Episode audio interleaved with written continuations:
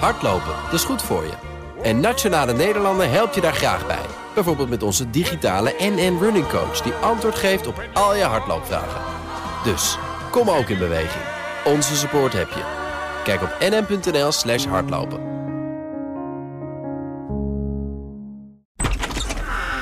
Ja, het leek me nuttig. Uh, Gewone persconferentie. Ik mag het meemaken. Komt er weer een vrijdagse persconferentie van de minister-president nu? Ja. Ja, ja. Die man heeft een jaar lang gezwijnd met dat niet te doen, maar dat dat moet, gaat hij nu wel doen. En daarvoor moet je je niet aanmelden bij een woordvoerder van uh, Algemene Zaken, heb ik uh, gisteren geleerd. Maar bij Joost Vullings, want die is namelijk de voorzitter van de parlementaire pers, iets dergelijks. Moet je bij Vullings aanmelden? Ja, ik moest me bij Vullings aanmelden. En ik want mocht wel het is komen. in Nieuwsport natuurlijk. Ja, ja en natuurlijk. daar komt de premier te gast bij de journalisten. Ja, Joost zei dat ik Nu. als nieuwkomer mocht ik de laatste vraag stellen. Dit is Nou. eerst. Dit is Nieuwsroom Den Haag van vrijdag 21 januari. Met in de studio Leonard Beekman, Sophie van Leeuwen en Mark Beekhuis. Dat ben ik zelf. Ja, Je moet wel meteen een folder ingaan en laten zien dat je er bent. Ja, maar dat heb ik vorige week toch ook gelijk gedaan bij de persconferentie. Ik eh, dacht, ik ga er even hard in bij eh, Rutte. Hoe was dat? Dat was wel echt Een bijzonder om mee te maken. was dat, hè? Ja, het was mijn eerste corona-persconferentie. Eh, bij het AD als samensteller van de videoredactie volgde ik dat altijd eh, Op afstand. op afstand. Om te kijken of de stream wel goed liep. Zoals de rest van Nederland. Zoals de rest van Zoals Nederland. ik. Eh, ik kon wel alvast meekijken als alle journalisten het zaaltje ingingen. En dan kon je de informele gesprekjes stiekem al een beetje meeluisteren. Mhm. Maar ik heb het nu eens een keer echt meegemaakt. Wat dat is, toch nou bijzonder. het verschil? Wat maakt het nou Nou, het gekke is, op het moment dat je in dat zaaltje zit, dan zit je ineens weer in een heel gewoon zaaltje met twee mannen voor je. Met een, het is maar een handjevol journalisten. En dan voelt het dus helemaal niet zo groot. Beetje je hebt helemaal niet, het voelt een beetje lullig. Je hebt helemaal niet door dat heel Nederland naar dat, naar dat moment aan het kijken is. En dat jij daarbij bent. Ik werd wel ontzettend veel geappt. Ik mocht als laatste een vraag stellen. Ik weet wel zeker dat niet iedereen op dat moment gewacht heeft. Je hebt honderd kreeg- apps met vragen gekregen voor de Nee, premier? nee, nee, nee. Ik kreeg wel tijdens dat ik vragen aan het stellen was, waren mensen me aan het appen. Hé, hey, je bent vragen aan het stellen. Weet je, dat, dat is. eh, Hallo, ik ben vragen aan het stellen. ja, Laat me rust. Even aan het werk. Ja, Ja. maar Maar leuk er waren dus wel was- mensen, in ieder geval familie, die daar toch nog naar zat te kijken. En vrienden. Precies, familie en vrienden houden mij alsnog in de gaten. Maar wat wij doen bij BNR, en dat is ook een beetje de reden dat ik de laatste vraag kreeg, is dat de persconferentie wordt gehouden. Wij zijn op zender ook live hè, met de persconferentie. En dan wil de presentator ook van mij iets horen. Dus de persconferentie is klaar, het officiële deel. Journalisten mogen vragen stellen. Dan ren ik het zaaltje uit. Heb je dat zaaltje kunnen bij- vinden met die broodjes en die Ja, frisdrank? maar ik heb toch niet goed genoeg naar je geluisterd, Sofie. Want jij zei, je moet echt dicht bij het raam gaan staan. En ik deed twee stappen bij het raam vandaan. En ik had gelijk geen goed eh, bereik met mijn telefoontje. Want het is een soort bunker. Het is in het ministerie van Justitie. En dat is een bunker. en als je niet bij het raam staat... Ja, dan, uitbreekt, ga- dan dan moet zitten je- we daar. Dan zitten we daar. Ja. Die, die misschien wel bijna uit gaat breken. Ja. hoorde ik vandaag op BNR. Ja, wij gaan eh, de wapens leveren, toch? De situatie is nu eh, zo sterk veranderd. eh, eh, dat je daar ook een ander perspectief op moet hebben. Dus zou er opnieuw een verzoek komen eh, aan de NAVO, dan zullen wij daar ook welwillend naar kijken. We hebben zelf amper wapens. Er moet, er moet 4 miljard bij, bij, eh, bij, bij het leger. Ja, of drie. ja, Ja, en we krijgen er maar drie. ja. Dus er is een tekort van een miljard al. Nou, maar Bij we gaan Defensie- wapens niet zelf betalen. En nee, gaan ja. alleen maar de export Ja, we zijn, dat maken. wel. We zijn waarschijnlijk wel goed. We zijn in wapenhandel als Nederland. Ja. Maar het is natuurlijk wel wrang. Als ik bij Defensie zou werken. en er zijn grote tekorten bij Defensie. dat je nu hoort dat er wapens geleverd gaan worden aan de Oekraïne. Nee, misschien. We staan ervoor open. We Het staan ervoor open, Het ja. was een beetje de, de week de vuurdoop voor alle nieuwe ministers deze week in, in Den Haag. Dus ook Hoekstra, Buitenlandse Zaken, had gisteren zijn eerste commissiedebatje. Eh, want er is een raad van eh, Buitenlandse Zaken aanstaande maandag, als ik het goed heb. Eh, Ja, gaan we sancties doen of wapens, Oekraïne, Rusland, crisis aan de grens. En hij ging er meteen vol in. Hij we staan er open voor.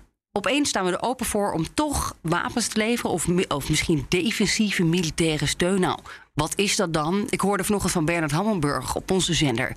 Dat kan cybersteun zijn, dus Mhm. Oekraïne weerbaar maken tegen een cyberaanval die ze afgelopen week Ja, hebben gehad.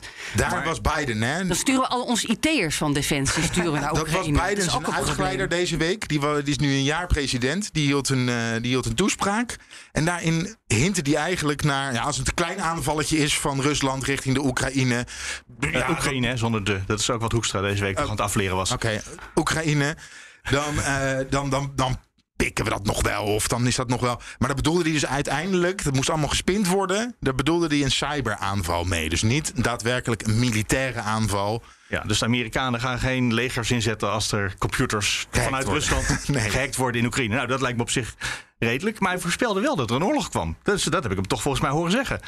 En Die oorlog dat is misschien al begonnen. ja, Sinds het, vorige week. als je het in eh, cybertermen doet, misschien wel. Maar er zijn toch nog geen eh, groene mannetjes zoals op de Donbass ooit eh, in, eh, in Oekraïne nu? En voor zover ik weet niet. Dus dat is een beetje voorbarig. Ehm, maar het is wel. Het, het is spannend. En ook in de Tweede Kamer wordt die druk gevoeld. En er, er, nou ja, er is dus eh, toch, vond ik gek genoeg, een meerderheid voor. om ook steun te leveren vanuit Nederland. Hoorde ik nou vanmorgen niet een Kamerlid het tegenovergestelde zeggen bij ons ook op zender? Je zegt Bernd Hammelburg hoorde je. Maar volgens mij hoorde ik iemand van de SP die zei: het mag niet, het is tegen Europese regels zelfs om eh, wapens te leveren aan conflictgebieden. Ja, precies. Jasper van Dijk van de SP. Ja, precies. En het is ook echt opmerkelijk wat Hoekstra hier doet. Hè? Want zijn voorganger Ben Knapen eh, zei nog geen vier weken geleden in diezelfde Tweede Kamer...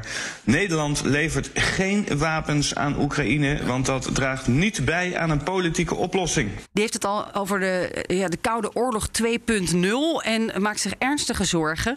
En dit mag helemaal niet. Maar hij heeft dus ook gezegd dat hij de deur naar wapenleveranties aan Oekraïne. Ja. Terwijl hij heel goed weet dat dat ook gewoon in strijd is met Europese regels rond wapenexport. Hè? Want je mag geen wapens leveren aan landen eh, waar spanningen plaatsvinden en waar de regio instabiel is. Nou, als er ergens een regio instabiel is, is het in Oekraïne. Deze week was de regeringsverklaring. Daar begon het dinsdag mee.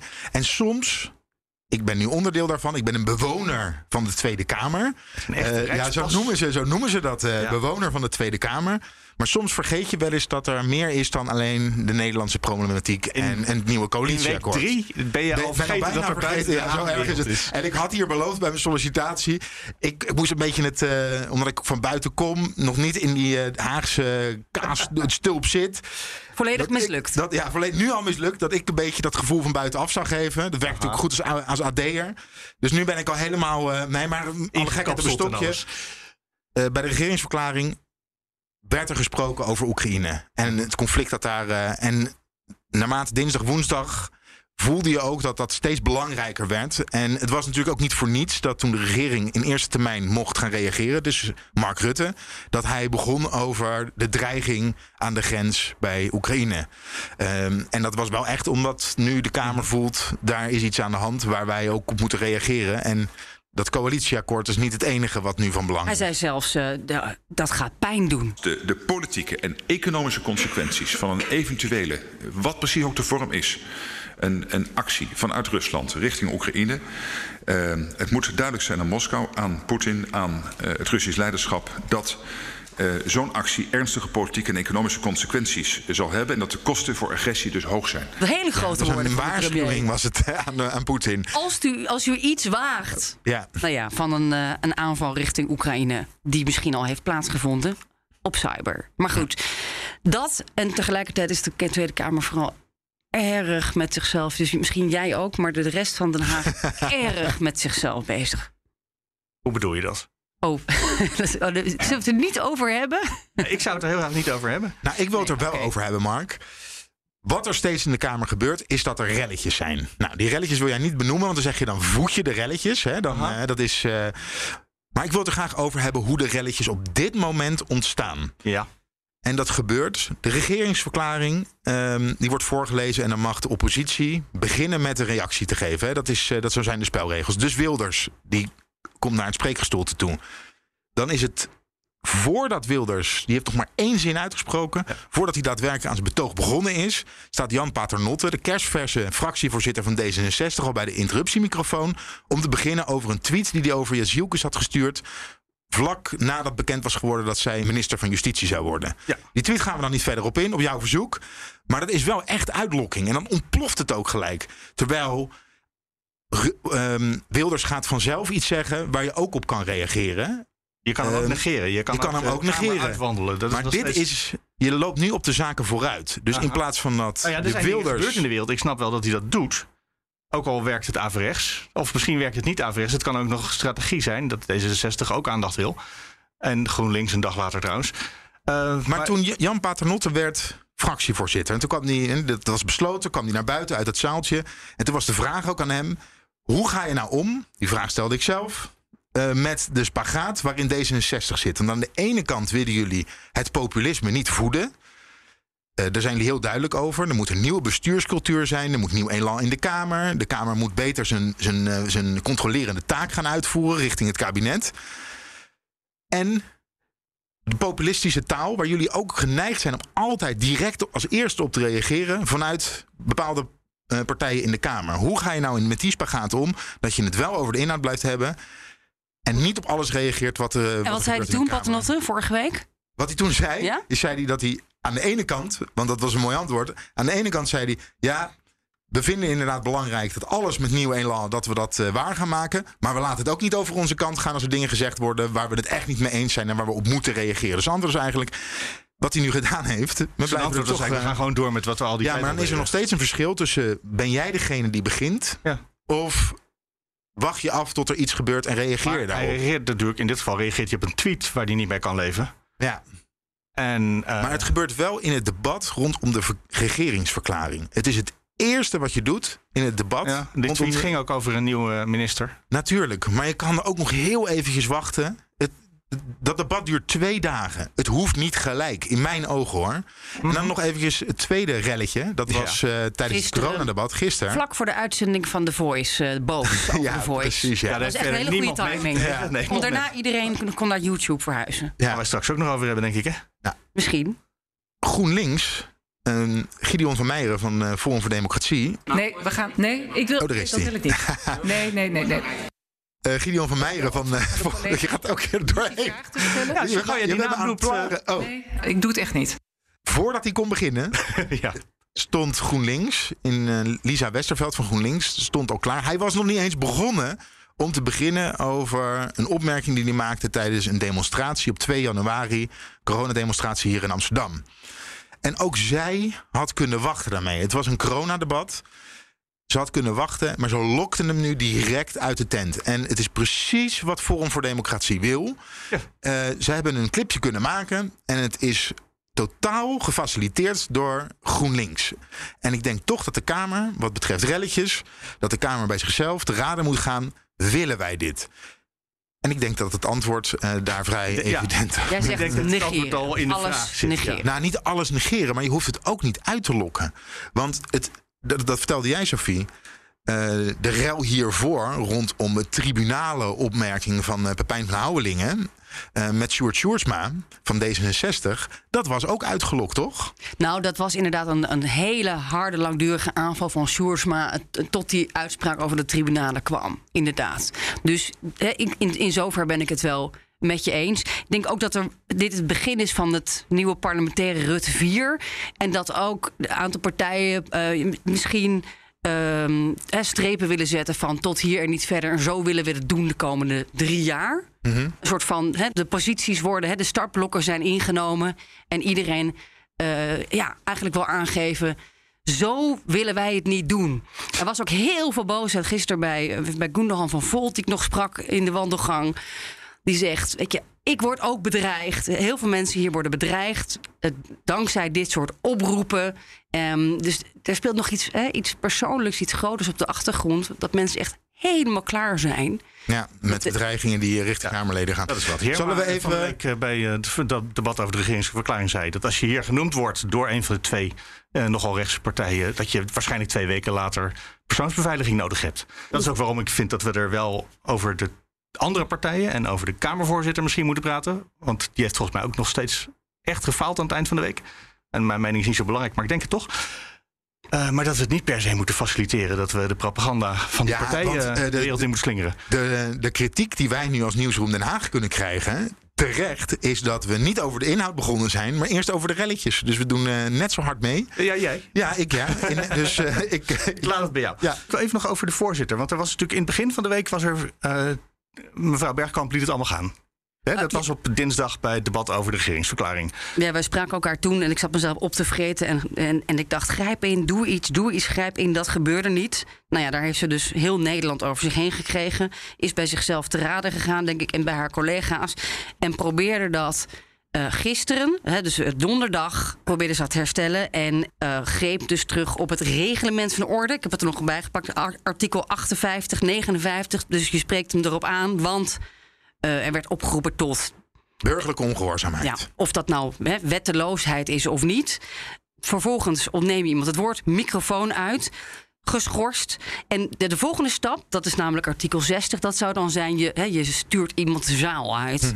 En ja, zover is hij nog niet gegaan. Nee, sterker nog. eh, nadat ze terugkwamen, na een best wel lange schorsing. Het was een kwartier of zoiets. Duurde heel lang. Zeker een kwartier. Toen kreeg eh, die man, die niet per se genoemd moet worden, alsnog het woord. Eh, mocht gewoon zijn hele verhaal alsnog houden wat hij had willen houden.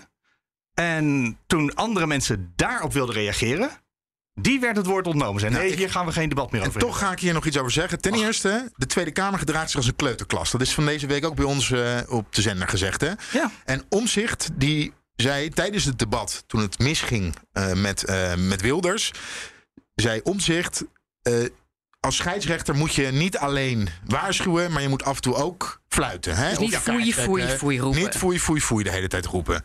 Maar als de Kamer zich niet, je moet wel op het moment dat je met elkaar een afspraak maakt, hè, je bent met, dan moet je wel in ieder geval binnen de regels moet je blijven, eh, moet je, je, moet- je moet binnen de lijntjes kleuren, zeg maar.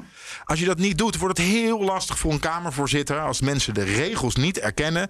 Om die regels te handhaven. Dat is één ding wat ik wil zeggen over, eh over Bergkamp. Het tweede, en dat gaat over de opmerking van Van Meijeren, was dat dat niet een heel handig moment gekomen Nee, was nee, nee, om. was dat niet een heel handig moment om het debat stil te leggen? Omdat het namelijk de oproep tot burgerlijke onge- ongehoorzaamheid was al geweest. Hij wilde uit gaan leggen wat hij bedoelde met burgerlijk ongehoorzaam zijn. En uitleggen wat burgerlijke ongehoorzaamheid is, is niet het oproepen tot burgerlijk ongehoorzaam zijn. En die uitleg, dat moment vond ik slecht gekozen. Dus als hij ze gelijk ingegrepen had, oké. Maar op het moment dat hij wilde uitleggen wat hij daarmee bedoelde, niet. Dat mocht hij later alsnog doen. En toen zei hij, ik roep niet op tot geweld. Echt niet op tot, eh, tot geweld. En laten we niet vergeten dat een dag daarvoor de cultuursector burgerlijk ongehoorzaam was. En heel Nederland het Ja, daar eigenlijk mee eens was. van. Dat is een hele slimme man. Zeker. Ja, dat is een slim. Maar daar had hij wel gelijk in. Heel Nederland was het er mee eens. Heel Nederland vond het Nee, schande. ik heb allemaal dat- burgemeesters horen zeggen... De, eigenlijk moeten ze dicht, maar we vinden dat we nu niet kunnen ingrijpen. Om welke reden dan ook, dat snapte ik ook niet helemaal.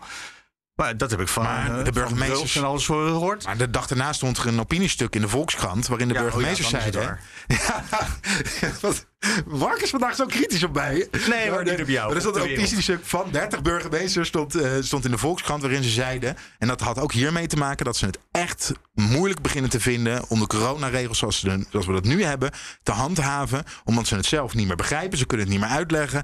En het lokaal bestuur komt tegenover de... eh, Ja, maar de dat snap ik. Dat snap ik. De burgemeesters zijn burgerlijk ongehoorzaam, Ja. eigenlijk. Ja, En Ik, ik hoorde net Lisa Westerveld zeggen... we zouden eens een quiz eh, moeten houden... of een examen houden voor de coronaregels hier in de Kamer. Ik denk dat de meesten van ons niet gaan slagen... voor wat je nu wel en niet mag. ja. Maar wat de discussie, ze zijn dus nog niet uit. En waarom dus uiteindelijk hij het wel mocht zeggen... en niet de zaal uit is gestuurd door Bergkamp, dit betreffende Kamerlid.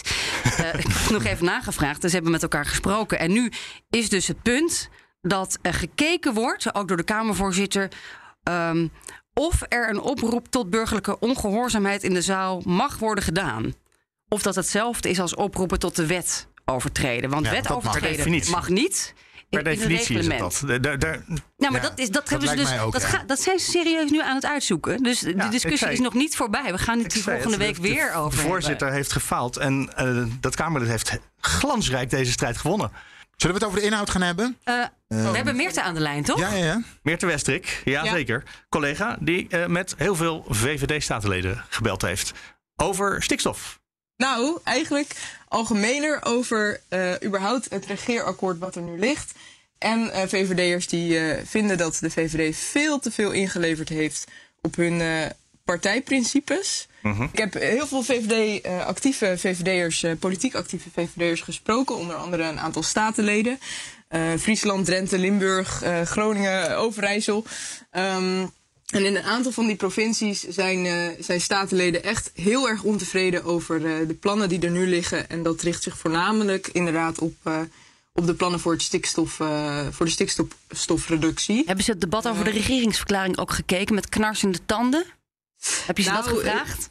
Dat heb ik ze niet gevraagd. We hadden het verhaal eh, iets eerder. we, hadden wij al gebeld eh, met ze. Maar vermoedelijk wel. Want zij, eh, iemand die, die zei letterlijk aan de telefoon: Ik sloeg stijl achterover van het regeerakkoord. Eh, en die vond dus ge- eigenlijk gewoon geen enkel VVD-punt terug. En al helemaal niet op het gebied van, eh, van het stikstofbeleid. Ik snap die kritiek niet. Want ze hebben het allerbelangrijkste punt dat ze wilden halen, hebben ze binnengehaald. Mark Rutte moest premier worden. Dat is gelukt. Dat is het enige wat ze volgens mij aan het Nou, doen waren. Leiderschap, dat was de campagne inderdaad. Het ging niet. Nou ja, ja, daar zijn zij het dus zeker niet mee eens. Er zijn ook een paar mensen geweest die, eh, die tegen mij zeiden... nou, als dit de uitslag is, dan had de VVD lekker beter in de oppositie kunnen gaan zitten. Maar bij de is regeringsverklaring echt, was heel veel kritiek. Onder andere op het eh, potje waar, waar de, de stikstofcrisis mee opgelost moet worden. 25 miljard. Is juist omdat het zo weinig concreet is. Dus waar klagen de, de, de VVD'ers in de provincie dan over? Oh, misschien kunnen ze in hun eigen zak stoppen. Bedoel je dat? Ja, nou, als ze boer zijn wel misschien. Maar, want er is nog niet zo heel veel bekend wat er nou precies rondom stikstof gaat gebeuren. Ja, het uitkopen van boeren, ehm, naar kringlooplandbouw. Maar Maar misschien is dat ook wel dan het probleem. Dat ze zeggen, wij willen graag VVD-punten daar zien. En we zien dat er 25 miljard gaat naar iets wat we niet per se een issue vinden.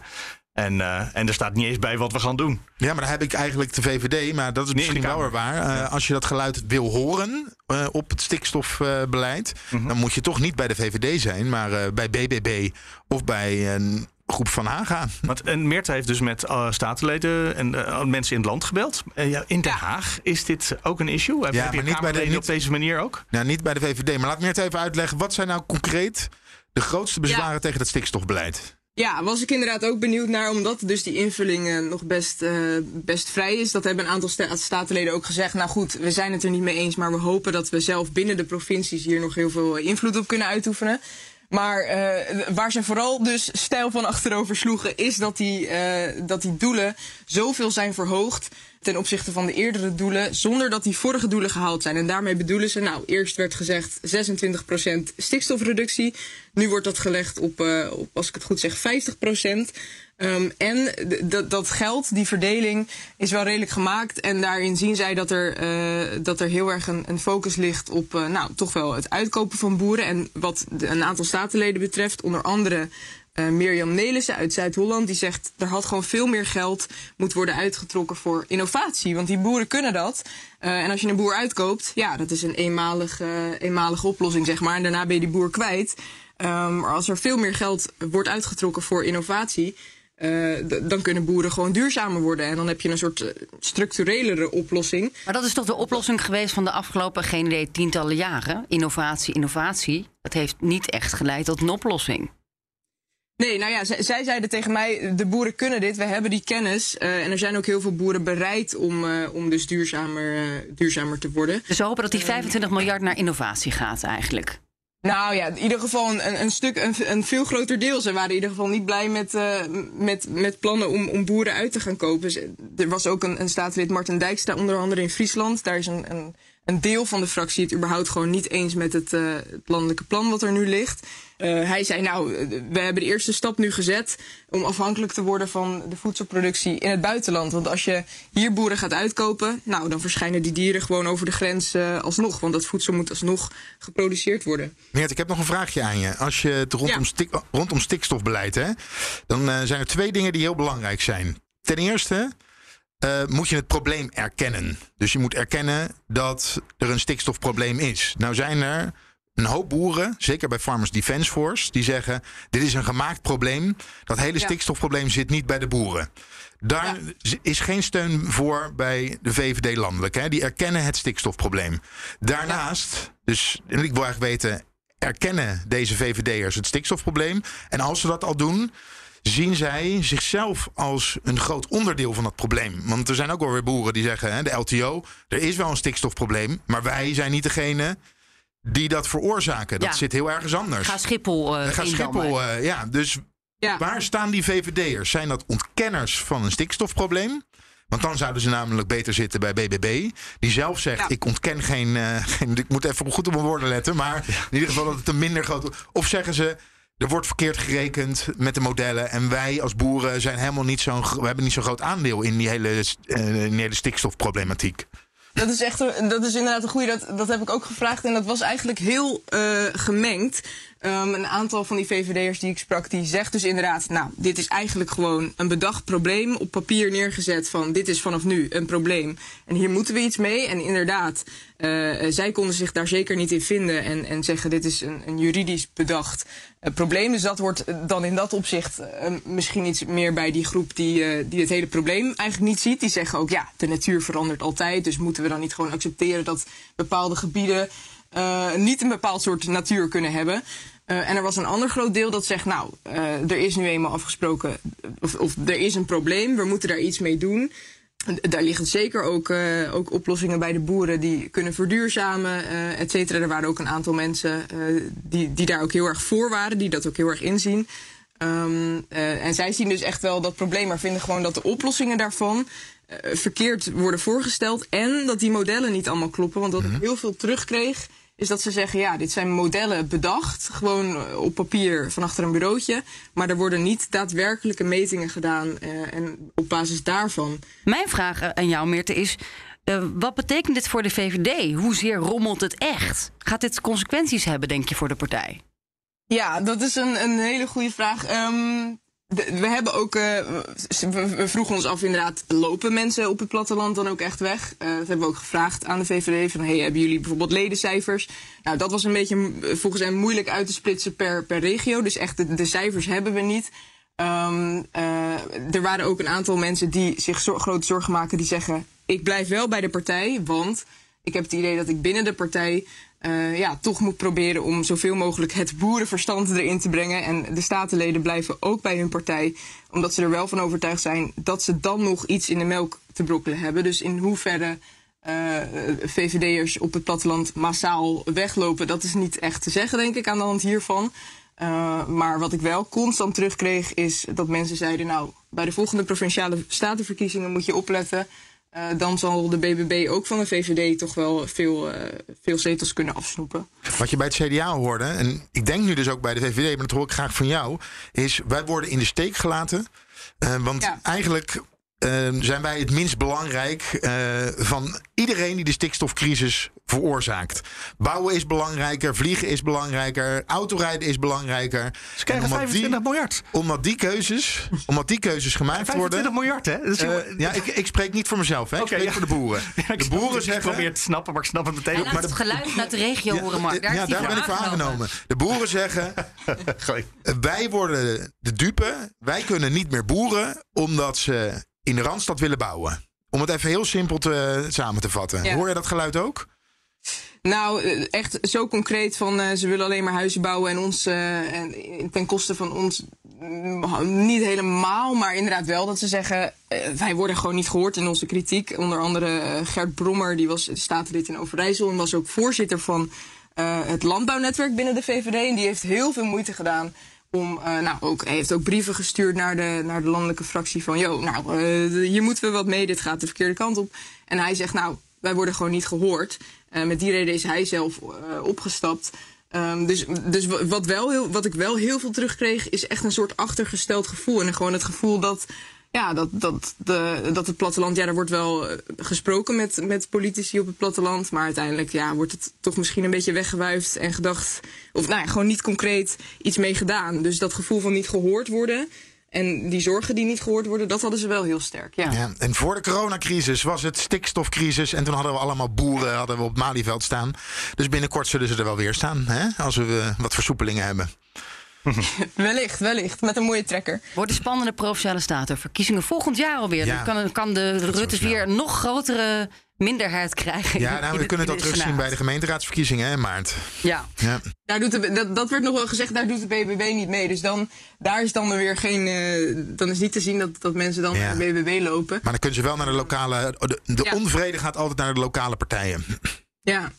Ja, ik hoor nog niet hele grote zorgen in Den Haag, Mark. Op dit moment ik heb nog wel een beetje rondgevraagd. Um, in de peilingen staat de VVD nog steeds ruimschoots bovenaan. Maar ze verliezen acht zetels ten opzichte van uh, de verkiezingen, meldt INO deze week. Ja, is ook niet zo gek, hè? Weinig Dan vertrouwen. staan ze op. Ja, iets van Als ze dat verliezen, 34, staan min ze op- 26. eh, maar ook, ook alle partijen zitten, zitten diep in het rood. Dus dan Maar nog. acht, dus een kwart van de zetels is dat. Min 25 procent. Ja, maar dat geldt eigenlijk ook voor D66. Dat geldt ook voor het CDA. Dus ja, de hele coalitie eh, staat er Ja. belabberd voor op dit moment. Hoeveel vertrouwen hadden we ook weer? 15 procent of zo?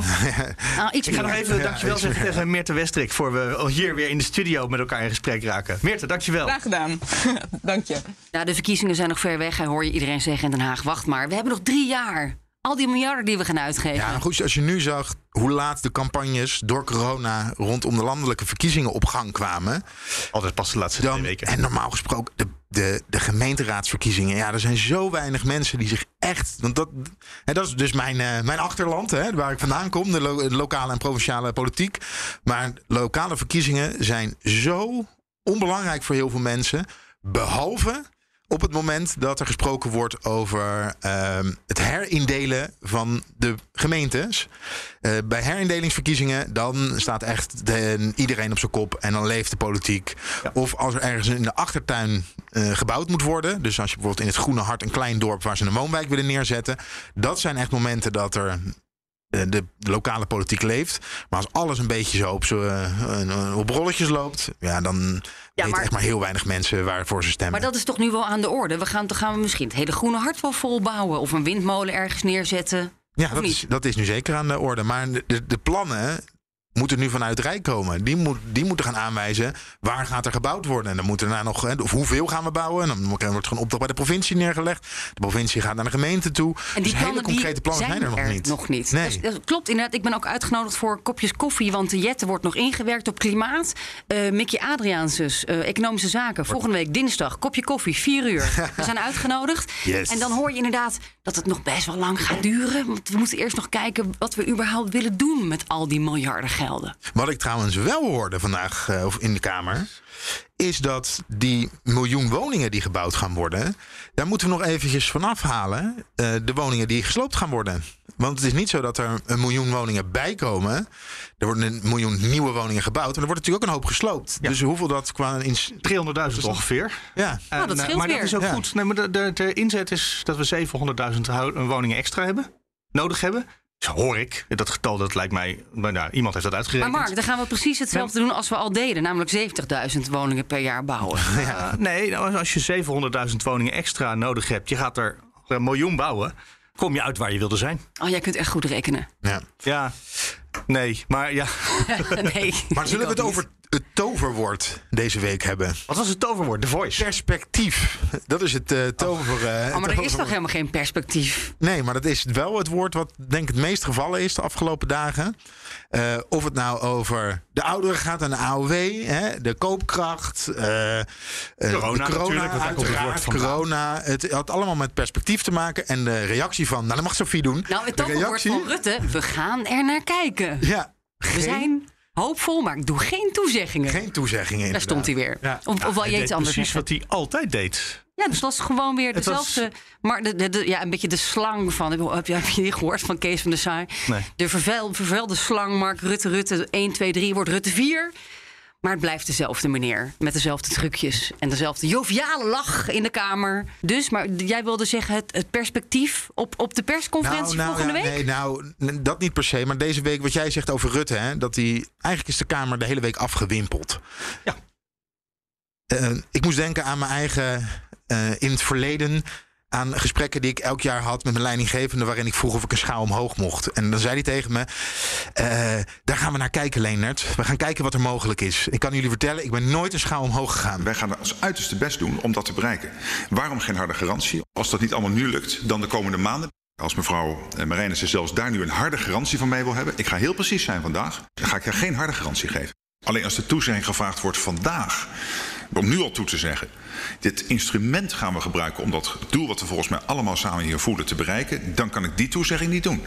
Daar ben ik helder over. We gaan er naar kijken. Ik zie het belang in van het probleem dat jullie schetsen. Nou, maar vooral, ik kan je bent, geen in, garantie je bent in debat met de Tweede Kamer en dan zeg je: Ik vind het belangrijk dat we hierover praten. Ja. En ik heb ni- maar niet uitgestrekte- nu, nee, want ik ga nu niet met jullie praten. Ja, je staat in de kamer. Ze begonnen, we hebben een Uitgestrekte handreiking. Ja, een handreiking naar de.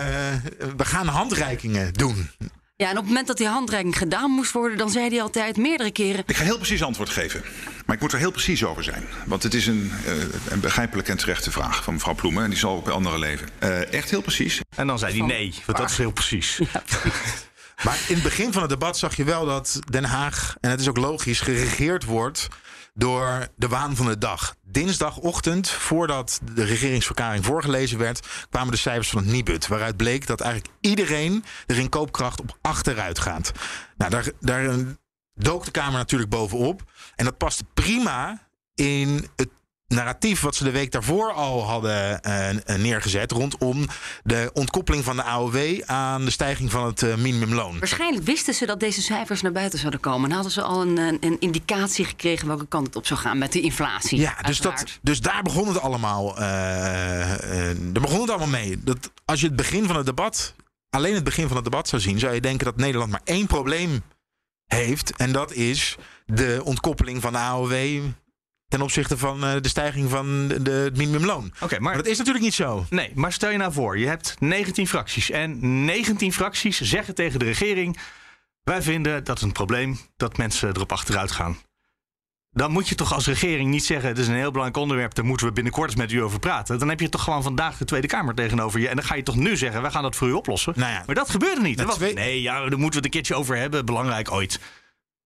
Op de AOW heeft de- dit kabinet heeft een probleem. Want in de, in de Tweede Kamer hebben ze een meerderheid. In de Eerste Kamer hebben ze geen meerderheid. En voor het. Voor Via dit, links en via rechts gaat dat niet op. het gaat niet lukken om dat door de Eerste Kamer te krijgen, zoals het er nu naar uitziet. Ja. Maar als je het over koopkracht eh, hebt. En ik vond dat er vandaag in het FD een goed stuk stond over de koopkracht. Die zeiden eigenlijk: ja, je kan, was een commentaar. Je kan niet iedereen erop vooruit laten gaan eh, in, de ko- in koopkracht. Want dat moet ergens betaald worden. Dus dat is of nog een keer een lening. eh, op een toekomstige generatie. Hè, geld dat je leent, dat, dat een toekomstige generatie moet gaan terugbetalen. Of het moet toch linksom of rechtsom door ons allemaal opgebracht worden. En dat kan eigenlijk niet. En ze kunnen niks beloven, want de inflatie. Eh, Niks garanderen, Niks garanderen. Want dat is het probleem ook geweest met het coalitieakkoord. Daar is gerekend met een lagere inflatie dan dat de inflatie daadwerkelijk uitbleek. eh, de, de, de, de, inflatie nu is. En die inflatie kan nog wel eens toe gaan nemen.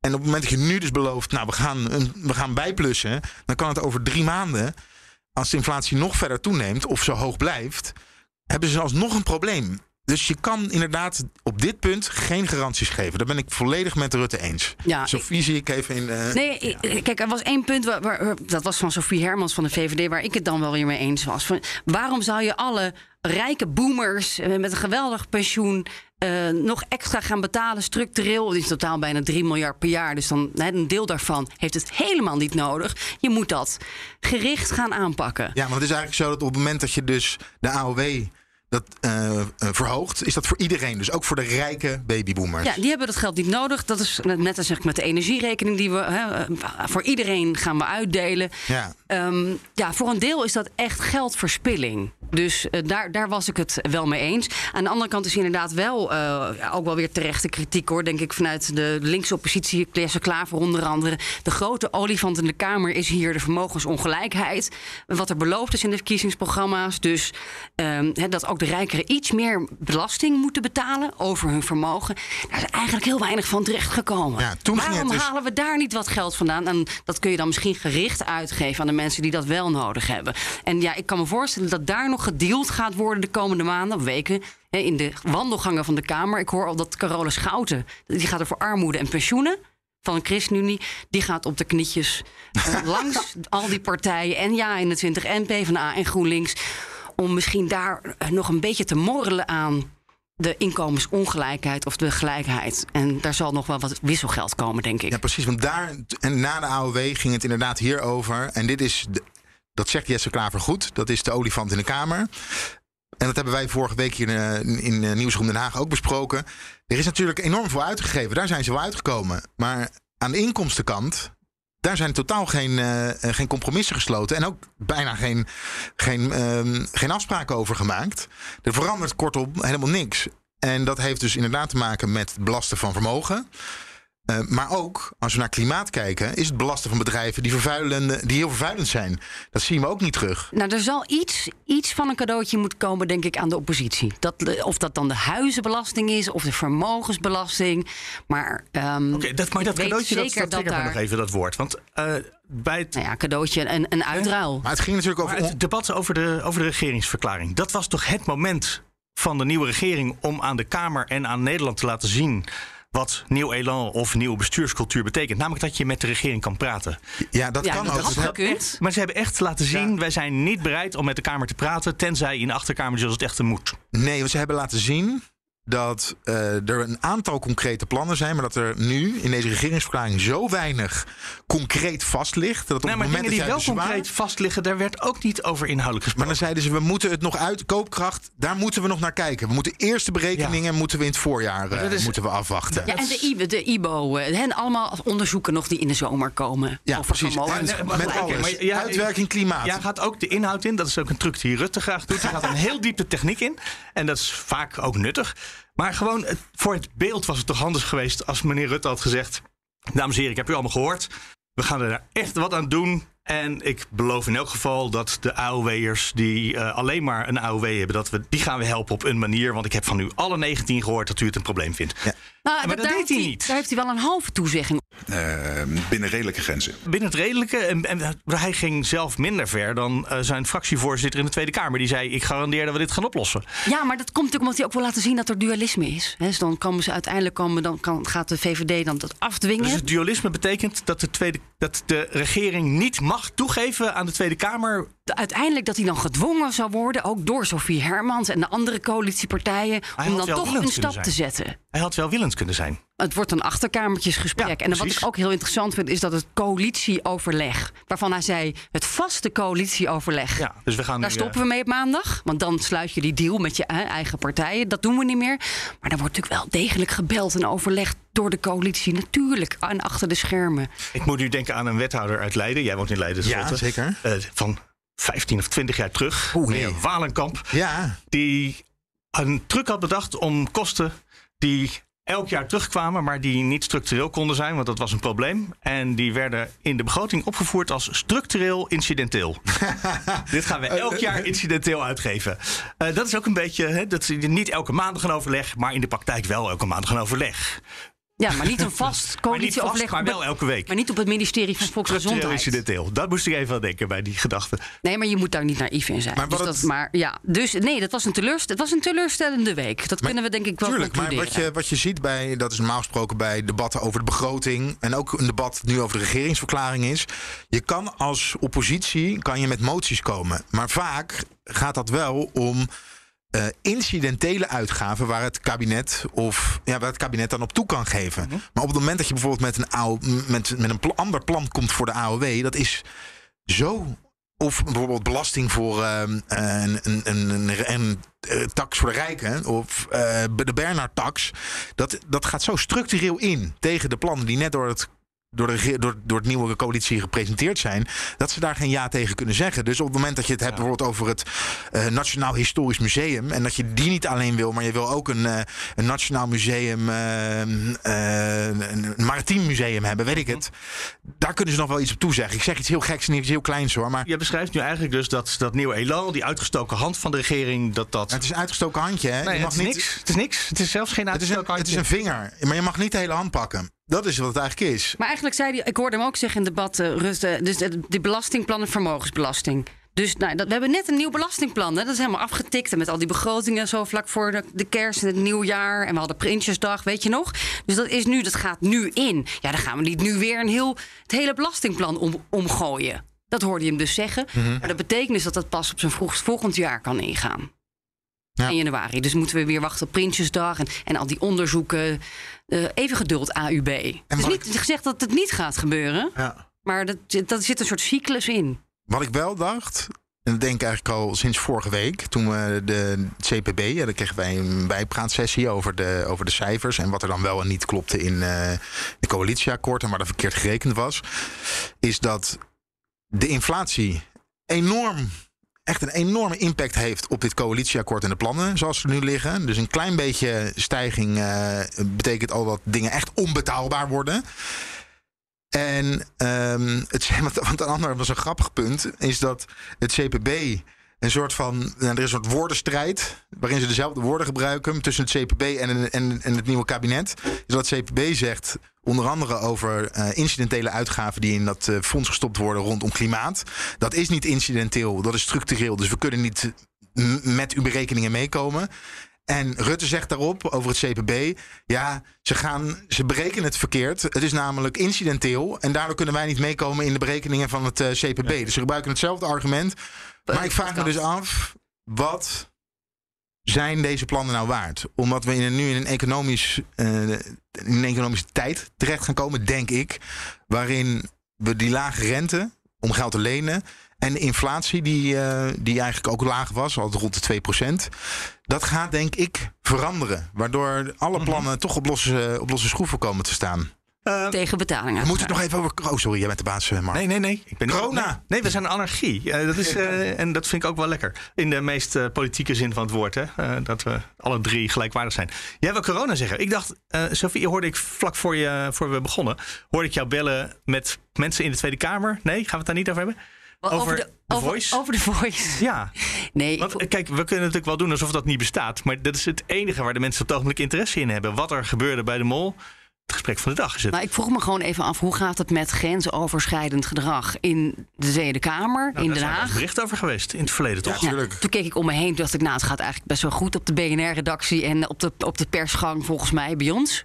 Op de derde etage. Ik heb nog niks gemerkt van, van grensoverschrijdend gedrag in ieder geval. Ik loop er nu twee weken rond. Nog niet, nog niet op de BNR-redactie. Met frisse ogen zie je vaak wel dingen die anderen niet meer zien Ik krijg inmiddels. wel de hele tijd eh, Surinaamse broodjes toegestopt. Ja, van mij ja. Grensoverschrijdend. Nee, Ja, ja. lekker. ja.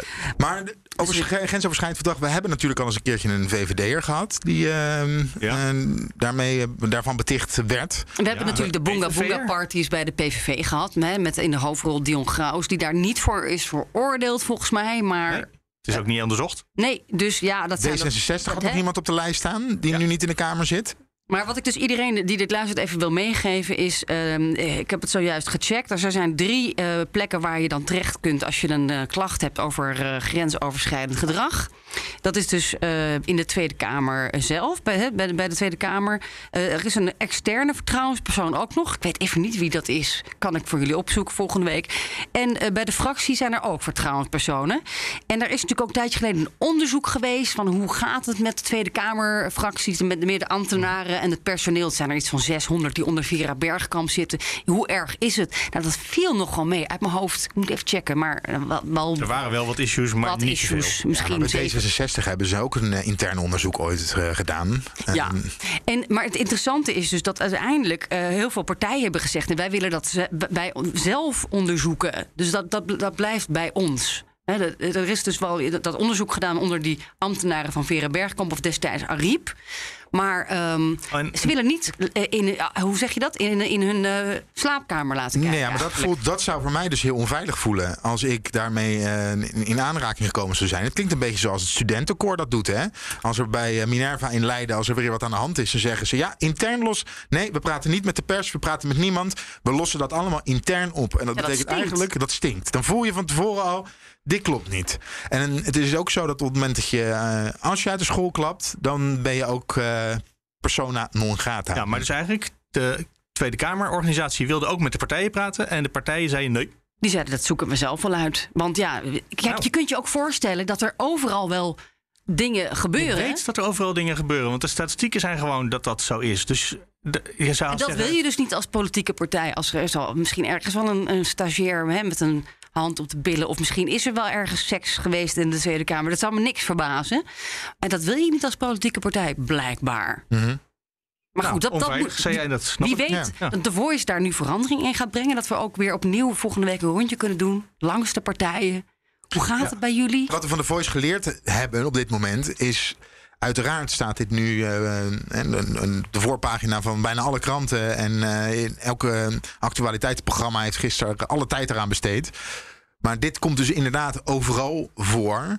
En dit zou toch wel een aanmoediging moeten zijn voor iedereen om hier wat aan te doen. Ik denk ook wel dat de politiek heel gevoelig is. Hè. Dat is natuurlijk een plek waar mensen van, misschien jonge mensen van dromen. Je gaat daar stage lopen. Of hey, je wordt een medewerker van een beroemd Kamerlid. Dat zijn natuurlijk wel, dat is echt wel een risicogroep, of, denk ik. Hè. Uh, plek waar dat soort dingen wel degelijk zouden kunnen gebeuren. En voor ons is het natuurlijk anders volgens mij. Want als journalist, ik merk er dus niks van. Want je hebt toch dan te veel macht, denk ik. Toch? We zijn niet, wij zijn niet afhankelijk van. Uh, in mijn Nee. politieke carrière is niet afhankelijk van, van die politicus. Nee. Sterker nog, als hij me met één vinger aanraakt, dan Ja. staat dat morgen in de krant. ja, ja, Dus dat is dan wel weer veilig. ja. ja, dat klopt. Ehm, Corona. corona. Ja, volgende week een persconferentie. Eh, in de Kamer werd tijdens het debat over corona door veel partijen, eh, in het bijzonder door eh, het CDA, door Joba van den Berg werd gezegd: wij willen eigenlijk voor de cultuursector en voor de musea willen wij eerder horen, eigenlijk vandaag al, of, de, of zij volgende week open kunnen. Nou, dat wilde Rutte niet aan voldoen. Kan de premier vrijdag na de ministerraad een signaal afgeven dat horeca en cultuur vanaf 29 januari open mogen als de cijfers niet drastisch verslechteren? Ook weer zo'n moment dat hij eh, niets wilde toegeven aan de Kamer. Nee, maar het wordt wel. ehm, Dat echt een patroon hoor bij de mond. Ik ben hoopvol. Ik heb, we OMT gaan er naar komt, eh, kijken. Nou ja, het, is wel, het ziet er wel goed uit nu. Maar het OMT komt vandaag eh, bijeen. Eh, we hebben katshuissessie. En dan wordt dinsdag wordt er een eh, beslissing genomen. Tot dinsdagavond wordt er niet gelekt. Want daar is namelijk een motie over aangenomen. Daar ik helemaal niks van. Nou ja, dat, het zou echt schandalig zijn als er... Maar serieus, Sofie. Dit kabinet. We hebben het net over nieuw elan. Dat hele riedeltje, dat kennen we. Hè? Een nieuwe bestuurscultuur. Ja, ja. En nu heeft ook nog eens een keertje diezelfde Kamer gezegd... we zijn het echt zat, dat gelek. Ja, dat, en dat zegt de Kamer, die zichzelf eh, als een kleuterklas gedraagt. Ja, Kom op, zeg. precies. Nee hoor, daar gaat Maar- niks veranderen. We weten het gewoon op Maar maandagavond. wat wel gaat veranderen, hoop ik, daar ben ik hoopvol over, is het OMT-advies. Dat gaan we eerder krijgen. Ik heb het ook zelf gevraagd aan Kuipers. Van, kan dat nou eerst naar ons en dan, of zelfs, en dan misschien een Jullie debat? krijgen het voortaan voordat de persconferentie komt. Ja, en misschien zelfs krijgen we nog eerst een debat voordat de persconferentie Ja, komt. niet volgende Misschien. week. Nee, Nee, ze nog gisteren niet. geen toezegging op gedaan. Nog niet volgende week. Nee. Maar ook daar is denk ik een Dus de meerderheid. democratie wordt een beetje hersteld. Maarten Heijing van de SP eh, maakte daar een nummertje van gisteren. En ik zou toch aan de minister-president willen vragen... zou het ook voor, de, voor het draagvlak in de samenleving... voor het draagvlak hier in de Kamer... voor de democratische legitimiteit van de besluiten die genomen worden... nou toch niet veel verstandiger zijn... dat als wij, zodra er een OMT-advies is... dat dat direct openbaar wordt... Dat wij vervolgens een brief krijgen van de regering welke besluiten zij overweegt te nemen op basis van dat OMT-advies. En dat wij daarna hier in de Kamer het debat voeren. Waarna de samenleving weet, kijk, dit zijn de besluiten die daar vervolgens uitrollen. Volgens mij lijkt dat lijkt mij de logische Dit- volgorde. Dit is echt ook onderdeel van waar wij begin februari mee komen. Dus ik, ik ken de wens, maar we moeten even precies uitlijnen. Als er zo'n crisis is als nu, dat je heel snel een besluit moet nemen... dan kun je niet wachten op een Kamerdebat. Als je er wel op kunt wachten, dan, eh, eh, dan zijn er misschien meer mogelijkheden. Dus laten we dat... En sowieso is het al gelukt vorige week om de brief te versturen... direct naar de persconferentie. Eh, en niet eh, pas s'nachts, maar goed, dat is allemaal nog niet ideaal. Ja, of een brief nou een paar uur eerder of later komt... dat is volgens mij niet het, punt dat ik wil maken. Het gaat er mij om dat er is gewoon heel veel ontevredenheid... eigenlijk al anderhalf jaar lang over de manier waarop besluiten worden genomen. En dan gaat het bijvoorbeeld over de tegenstellingen tussen sectoren. De cultuur die tegenover de winkels eh, komt eh, te staan. Daar is heel veel onvrede over in de samenleving en ook hier volgens mij.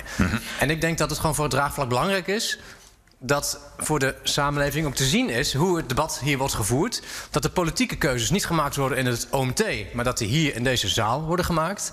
En het is in die zin ook meer dan een, een wens.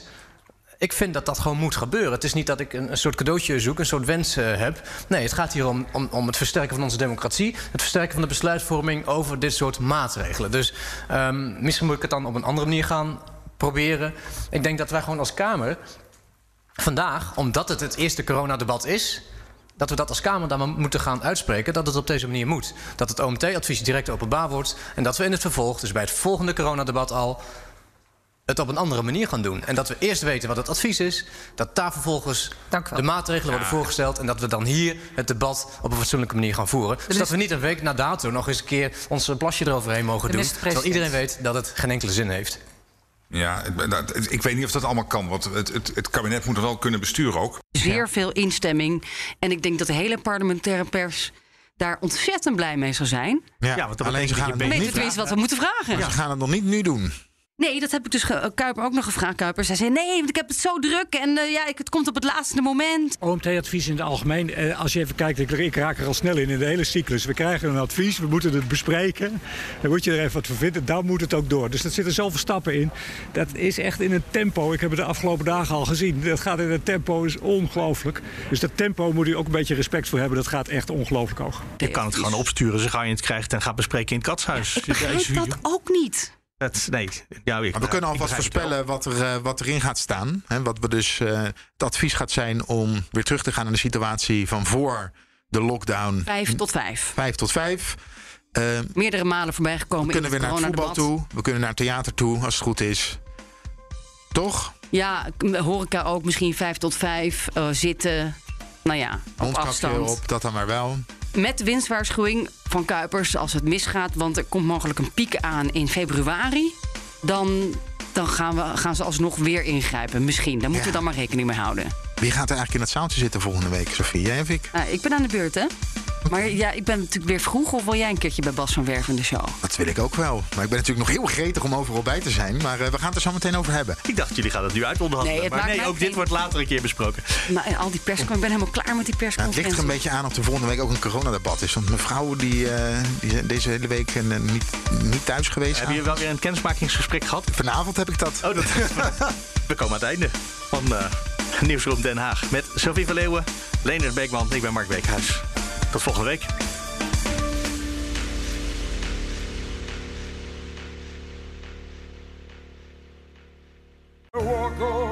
Hardlopen, dat is goed voor je. En Nationale Nederlanden helpt je daar graag bij. Bijvoorbeeld met onze digitale NN Running Coach... die antwoord geeft op al je hardloopvragen. Dus, kom ook in beweging. Onze support heb je. Kijk op nn.nl slash hardlopen.